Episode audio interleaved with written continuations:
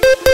Mbak Imong lagi, Mbak Imong lagi. Jadi setelah kemarin rame kaulah muda gara-gara katanya dia pengen ngedaftarin Citayam Fashion Week jadi hak kekayaan intelektual under perusahaannya, Mbak Im ngasih klarifikasi nih dan akhirnya dia bikin keputusan untuk ngelepas Citayam Fashion Week dan gak melanjutkan pendaftaran Citayam Fashion Week ke Haki.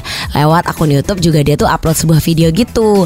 Jadi di video itu dia minta maaf karena tindakannya tuh katanya membuat resah banyak orang. Ya kalau udah kayak gini gue juga lumayan tersentuh sih Cuman sampai Bapak Ridwan Kamil ikut berkomentar loh Katanya ini kan dari akar rumput Biarkanlah dia berkembang sendirinya Cuman respect lah Dengan keputusan yang kayak gini berarti dia mempertimbangkan yang mana yang bijak Betul betul betul betul. Cuma katanya walaupun memang sudah tidak ada di under company-nya lagi, dia bilang dikatakan ngelepas 100% enggak, tapi mau didaftarin juga enggak. Pokoknya kalau ada yang bisa Tiger Wong bantu, bakalan dibantu. Dalam segi apa pun, Pak. Baembong juga nunjukin jejak percakapannya sama Bonge dan sejumlah pihak sebelum mendaftarkan Citayam Fashion Week. Jadi itu kayak untuk melakukan pembelaan kepada netizen-netizen yang bilang dia tuh maksain gitu loh. So ya, semoga ini memang yang terbaik ya untuk semuanya. Pokoknya yang terbaik juga lah pokoknya untuk pengguna jalan di sana semoga nggak kena macet tapi anak-anak ini tetap bisa berkarya. Gimana caranya ya? Santai, ntar gue tanya Bonge dulu Bro,